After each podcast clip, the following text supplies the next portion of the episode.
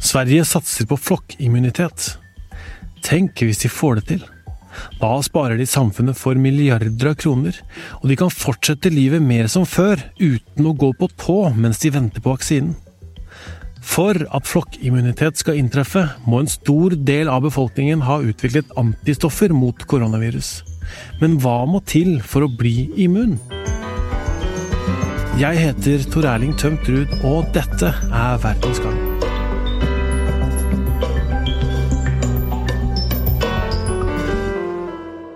Immunitet er et tilbakevendende tema når vi snakker om koronaviruset. For inntil en vaksine er på plass, er det kun flokkimmunitet i befolkningen som kan gjøre at hverdagen kan gå tilbake til normalen. Og som vi veit, å utvikle en vaksine kan ta lang tid. Så hva veit vi da om kroppens egen vaksine, nemlig immuniteten vi danner etter å ha vært smitta av koronaviruset? Det vi vet, er at du får danna immunresponser. Det gjør du.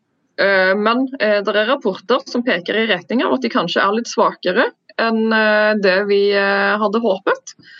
Noe som gjør at det kan bli vanskelig å få en immunologisk beskyttelse fra den eksponeringen til virus.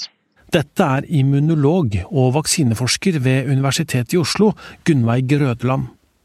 Hun peker på en av de store usikkerhetene rundt koronaviruset og immunitet.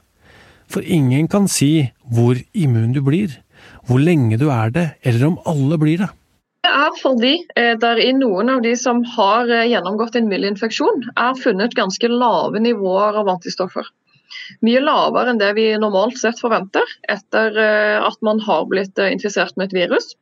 Og Det kan peke i retning av at immuniteten ikke er langvarig og eventuelt ikke fullstendig beskyttende. Verdens helseorganisasjon har gått ut og advart. En epidemiolog i organisasjonen sa ifølge Sky News at akkurat nå har vi ingen bevis for at en test for antistoffer kan vise at en person er immun eller beskytta mot å bli smitta igjen. I Sverige er det den etter hvert svært kjente statsepidemiologen Anders Tegnell som forsvarer svenskenes strategi, som innebærer at store deler av befolkningen skal bli immune. Tegnell hadde ikke mulighet til å snakke med oss, men til svenske TV4 var han ikke enig i WHOs utspill om immunitet. Han mente det var en grov overtolkning og en ganske vag uttalelse.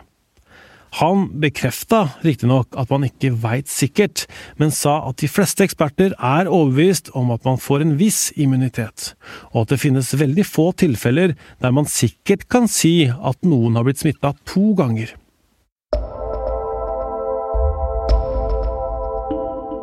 Det er som sagt mye vi ikke veit om koronaviruset. Men vi kan se litt nærmere på noe vi kjenner ganske godt. Kroppen vår. Hva skjer i kroppen når vi blir smitta av dette viruset? Se for deg at du er koronaviruset. Det første du møter, er et medfødt immunsystem. Det sitter klar i halsen og kjenner at her er det noe rart.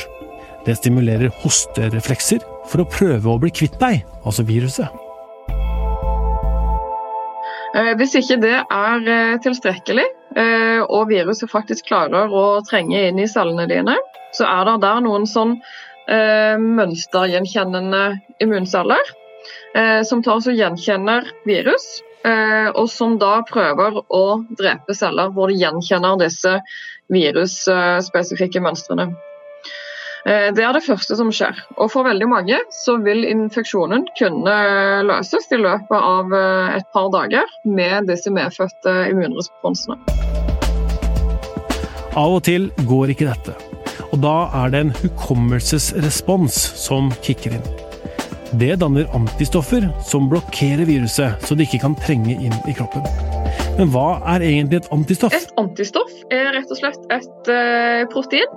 Det ser ut som en Y uh, i fasong. Og på tuppen av uh, den Y-en så er det noen sånne seter som er spesifikke for deler av viruset. Og det som skjer er at disse antistoffene kan ta så danne sånn teppe rundt et virus og fysisk blokkere binding til vertscellene dine. Og Det er disse antistoffene som er viktige neste gang samme virus angriper deg. Når du får dannet eh, masse antistoffresponser, så får du en så kraftig respons at du òg får dannet hukommelsesceller. Eh, og De tar da også patruljerer i kroppen din, sånn at neste gang du møter det samme viruset, så husker de at å, her har vi møtt uh, dette viruset før.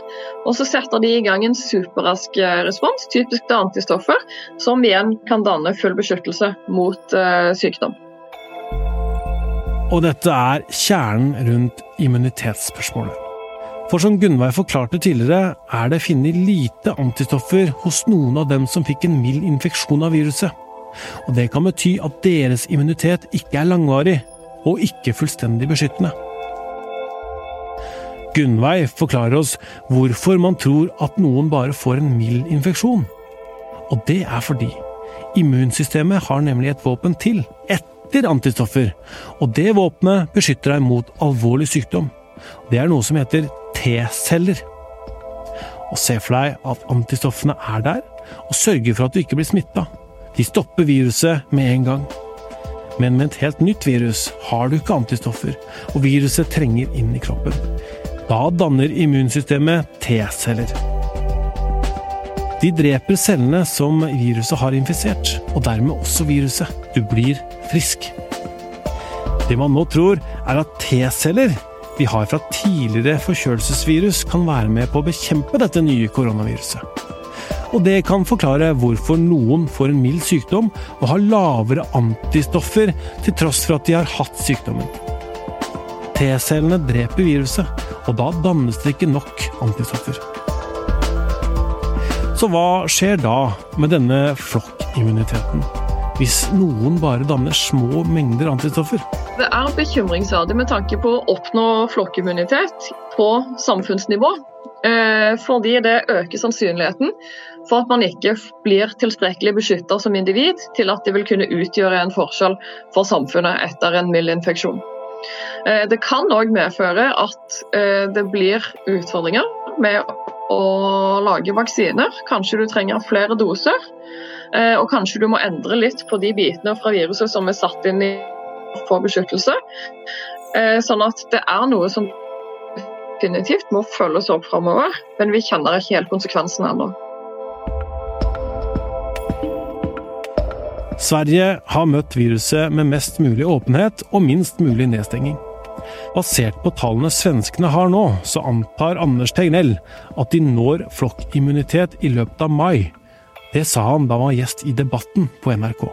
Fortsätter vi på det viset som vi gjør då med de inskränkningar vi har gjort på diverse olika sätt och med den utveckling vi ser av antallet smittsamma og sånt så eh, räknar de med at vi kommer att nå en såpass høy del av immunitet i Stockholmsområdet i maj så at smittspridningen kan gå ned til en ganske låg nivå. Og hva skal til for at den svenske strategien skal fungere?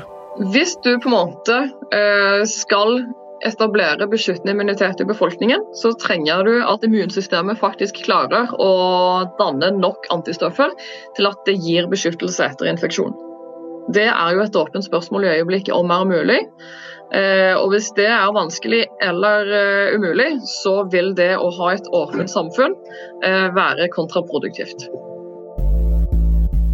Det ser altså ut at en infeksjon med koronaviruset i hvert fall vil danne det fagfolka kaller immunresponser, som kan beskytte deg noen måneder. Så vil tiden fremover vise hvor lenge denne beskyttelsen varer. Det var journalist i VG Stig Øystein Schmidt som intervjua Gunnveig Grødland. Podkasten er laga av Emilie Hall Torp, Kristine Hellesland, Nora Torp Bjørnstad og meg, Tor Erling Tømterud. Magne Antonsen er teknisk produsent.